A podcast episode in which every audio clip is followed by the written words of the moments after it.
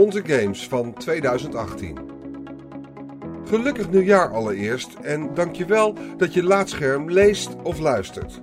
Ook in 2018 kun je iedere maandag en donderdag weer een nieuw verhaal verwachten en elke maand een podcast.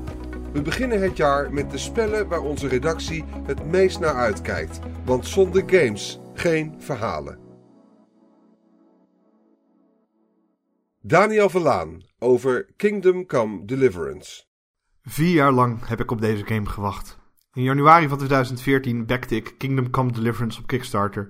En sindsdien volg ik de ontwikkeling van de game nauwgezet.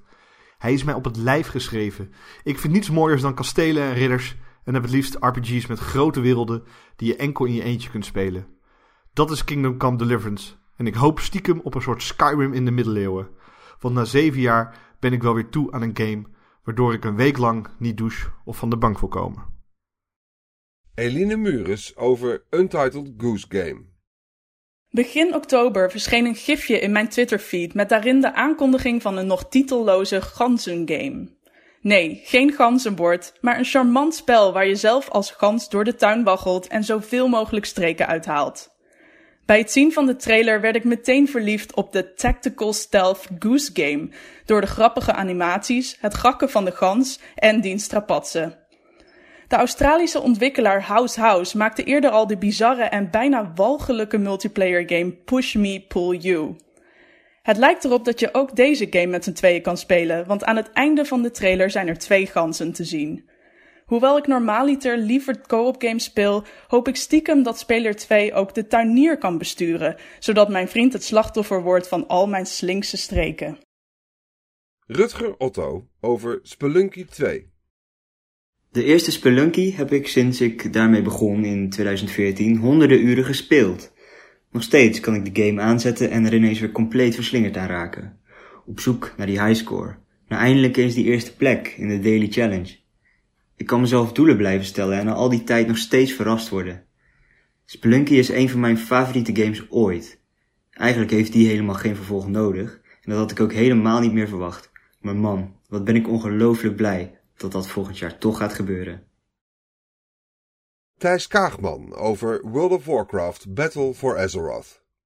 Vorig jaar lanceerde Blizzard alweer de zesde World of Warcraft uitbreiding, Legion.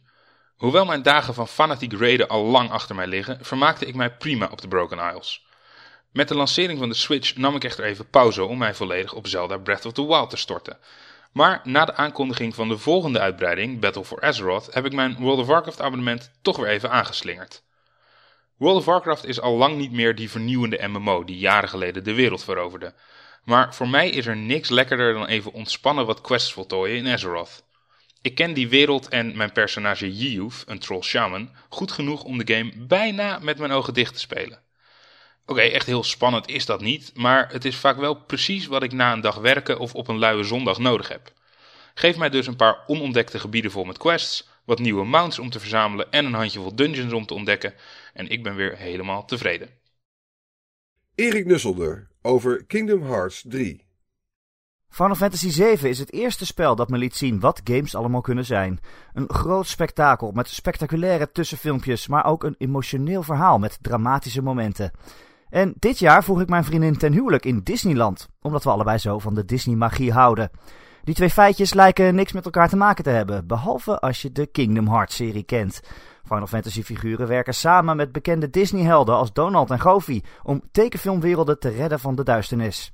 Die combinatie veroorzaakt allerlei chemische reacties in mijn brein die resulteren in warme en knusse nostalgie. Thijs Bardart over UFO 50. Ik volg de bedenker van Spelunky naar het einde van de wereld als het nodig is, maar bij de aankondiging van het vervolg had ik toch wel even mijn wenkbrauwen op. Een vervolg op een perfecte game is helemaal niet nodig en daarom kijk ik veel meer uit naar het andere project van Derek. UFO 50 is een verzameling van 50 VAU-retro games ontwikkeld door een all-star teams van indies. Yu is erbij betrokken, maar minstens zo in het oog springend zijn namen zoals Ojiro Fumoto van Downwell en Eric Shook van Hotline Miami en Ridiculous Fishing. Al zijn er maar 5 games uit deze verzameling half zo goed als in eerdere werk, dan ben ik een gelukkig mens. Joe van Buurik over Dragon Ball Fighters. Het gros van mijn verwaarloosbare tienerjaren overleefde ik, zoals menige gamende millennial, op een cocktail van Nintendo games, Japanse anime en, minder millennial waardig, grote anticipatie richting het mogen behalen van mijn rijbewijs. Voor het tweede ingrediënt ontwikkelde ik pas als student enige smaak, met series als Naruto, Speedgrapher en Initial D. Toch krijg ik nog altijd het meeste kippenvel van mijn allereerste anime-liefde, Dragon Ball Z. Ondanks tal van releases zijn echt goede games rond deze ultieme shonen-serie dun gezaaid. Al heb ik me vroeger wel talloze uren vermaakt met uitschieters Hyper Dimension op de Super Nintendo en Super Sonic Warriors op de Game Boy Advance. Begin 2018 kan ik me eindelijk weer virtueel Super Saiyan wanen met een nieuwe veelbelovende fighter, Dragon Ball Fighter Z. Als nieuwste creatie van Guilty Gear koningen Arc System Works mogen we rekenen op soepele en gebalanceerde gameplay verpakt in het meest anime-waardige jasje aller tijden. Als er dan ook nog eens een versie voor Nintendo Switch in de pijplijn zit, kan ik mijn rijbewijs gaan omruilen voor een overchipkaart. Marcel Vroegrijk over Tennis World Tour. Ik heb echt heel weinig met sport, maar tennis kijk ik nog wel eens. En ik heb tennisgame Topspin 3 zo absurd veel gespeeld. Ik speel altijd met een goede vriend van me. Uh, we zijn elkaar inmiddels uit het oog verloren, maar ik denk nog regelmatig terug aan onze studietijd. We hadden alle twee echt geen motivatie en ik waarschijnlijk ook geen bachelordiploma als we niet een geniale live act hadden bedacht. Iedere ochtend belden we elkaar op en we hingen niet op voordat we allebei hoorbaar ons bed hadden verlaten. Zo waren we maandenlang van ochtends vroeg tot avonds laat bezig met studeren. Wel met de nodige pauzes gelukkig. Die vulden we op met tennissen, op een echte baan, maar nog vaker op mijn PlayStation 3. Hij met de techniek van Federer en ik met de kracht van Nadal. Ik spreek hem zelden meer, maar als Tennis World Tour eenmaal uit is, nodig je hem weer eens uit, denk ik. Kevin Shuttleworth over A Way Out. In 2017 stonden singleplayer games voor mij centraal. Persona 5, Yakuza Zero, Nier Automata, Breath of the Wild, Super Mario Odyssey. De rode draad door al deze games was mijn behoefte om die ervaring te delen. Als je het op die manier bekijkt, heb ik geen enkele game echt alleen gespeeld in 2017. Enter 2018 en A Way Out. Een verhaalgedreven game die je met z'n tweeën speelt van begin tot eind. Samen maak je beslissingen die de loop van het verhaal veranderen. En in je eentje maak je fouten die ook invloed hebben op je speelpartner. Voor iemand die graag ervaringen deelt, is dat een aanlokkelijke belofte. A Way Out lijkt dat te willen bieden, niet als bijkomstigheid, maar als een feature. Erwin Vogelaar over Ooblets. Hoe kun je niet verliefd worden op boerderijgame Ooblets? Maker Rebecca Cordingly weet me elke keer weer opnieuw te laten vallen voor deze game door gifjes te plaatsen waarin kleine wezentjes achter het hoofdpersonage aanhuppelen of alle doorbewoners maffe dansjes doen. Dit is zo'n game die je opstart als de wereld weer eens kut is of als je een slechte dag hebt. Even een oeblet knuffelen, een dansje doen of je haar een nieuwe kleur geven. Jocelyn van Alve over Shadow of the Colossus. Het spel dat in 2018 uitkomt waar ik naar uitkijk is Shadow of the Colossus. Ik speel Shadow of the Colossus al sinds de game in 2006 uitkwam op de PlayStation 2. Later volgde de versie voor de PlayStation 3 en volgend jaar komt er dus een schitterende remaster op de PlayStation 4. Wat is het toch met deze game dat me zo weet te bekoren? In Shadow of the Colossus is het letterlijk jij en je paard aggro tegen de wereld. En wat een wereld. Prachtig, rijk, wijd, maar ook totaal uitgestorven, doodstil en beangstigend. De gevechten tegen de reusachtige kolossi zijn tien jaar later nog even overweldigend en spannend. Ze zijn ook vreed.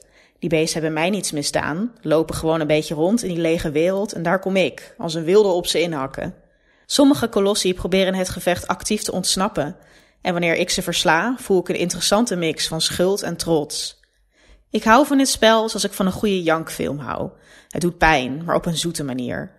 Ik kijk er naar uit om die pijn in 2018 opnieuw te voelen. Lars Parmans over Spelunky 2. Ik zit niet vaak te klappen en te juichen achter mijn laptop, maar voor de onthulling van Spelunky 2 maakte ik graag een uitzondering. Nooit had ik verwacht dat mijn favoriete indie game een vervolg zou krijgen. Het eerste deel speelde ik jarenlang op drie verschillende apparaten. Met vrienden streed ik iedere dag om de hoogste score in de Daily Challenge en na honderden uren spelen was iedere run nog steeds net zo zenuwslopend als de eerste. Ik hoef verder geen trailer of nieuwtje meer te zien over Spelunky 2. Alleen de gedachte al dat ik binnenkort weer blind een compleet nieuwe Spelunky wereld in kan duiken, vol met nieuwe regels, geheimen en gevaren, maakt van 2018 nu al een fantastisch jaar voor games. Jerry Vermanen over Red Dead Redemption 2. Je vindt mij niet elke week in een gamewinkel. Als ik games koop, dan wil ik mij daar maandenlang in verliezen. En als ik gegarandeerd minstens 1 uur per euro uit mijn aankoop kan halen, dan voel ik me aan het einde van de rit helemaal top. Even de economie van mijn schrale gamebudget tezijde. Red Dead Redemption is een van mijn favoriete games ooit. Ik kan je gerust drie van de mooiste momenten uit Red Dead Redemption opsommen. En een andere persoon voegt er met gemak 4 à 5 andere momenten aan toe. Als zo'n legendarische game een vervolg krijgt, dan ben ik daar gewoon hyped voor. Freddy Nelemans over Psychonauts 2. Toen ik met Psychonauts voor het eerst letterlijk in de psyche van een personage dook, was ik om. De bizarre hersenkronkels die je in de hoofden van vriend en vijand te zien kreeg, vond ik als tiener magisch. Ik zal die combinatie van gezonde humor, fantastische platformactie, krankzinnige monsters en gestoorde omgevingen nooit meer vergeten. Dertien jaar later is het dan eindelijk tijd voor het vervolg en mag ik meemaken hoe mijn favoriete paranormale tiener Raz volwassen wordt en begint aan zijn carrière als psychonaut. Een loopbaan die ongetwijfeld is gevuld met heel wat nieuwe knotsgekke avonturen. Floris Poort over Wargroove.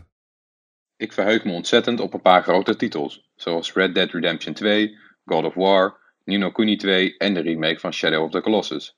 Maar ik heb misschien nog wel meer zin in Wargroove, een indie game die eigenlijk gewoon het speelprincipe van de Advance Wars serie overneemt. En de look. Het is dat de setting middeleeuws is, anders had ik haast van een rip-off kunnen spreken. Het is turn-based tactiek met eenheden die elk hun sterke en zwakke punten hebben en vrij makkelijk sneuvelen. Het zijn wezenlijk andere games dan de Fire Emblem-serie waar Nintendo de laatste jaren de voorkeur aan geeft. Dit is veel meer een RPG.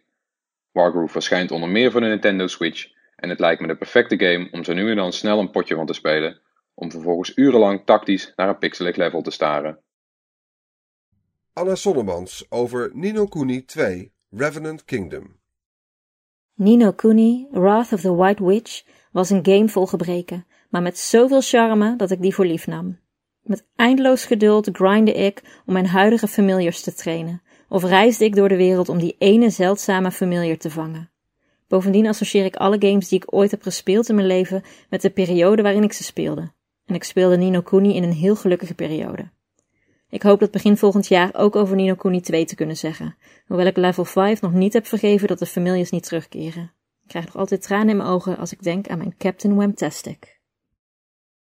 Arthur van Vliet over Van Alles.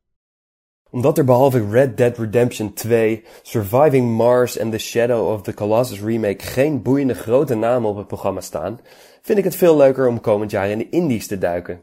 Ik heb geen idee of ze ook echt in 2018 verschijnen, maar Exo One, de race horror game Driving Survival, ik de game Escape Project, een spel waar Greg Kithriotis mee bezig is, zien er stuk voor stuk intrigerend uit. Ook moet 2018 het jaar worden waarin Manifold Garden, de 4D-game Migakure en Limit Theory eindelijk uit gaan komen. Maar verder ben ik vooral heel benieuwd wat ik nog meer moet volgen. Geef me tips.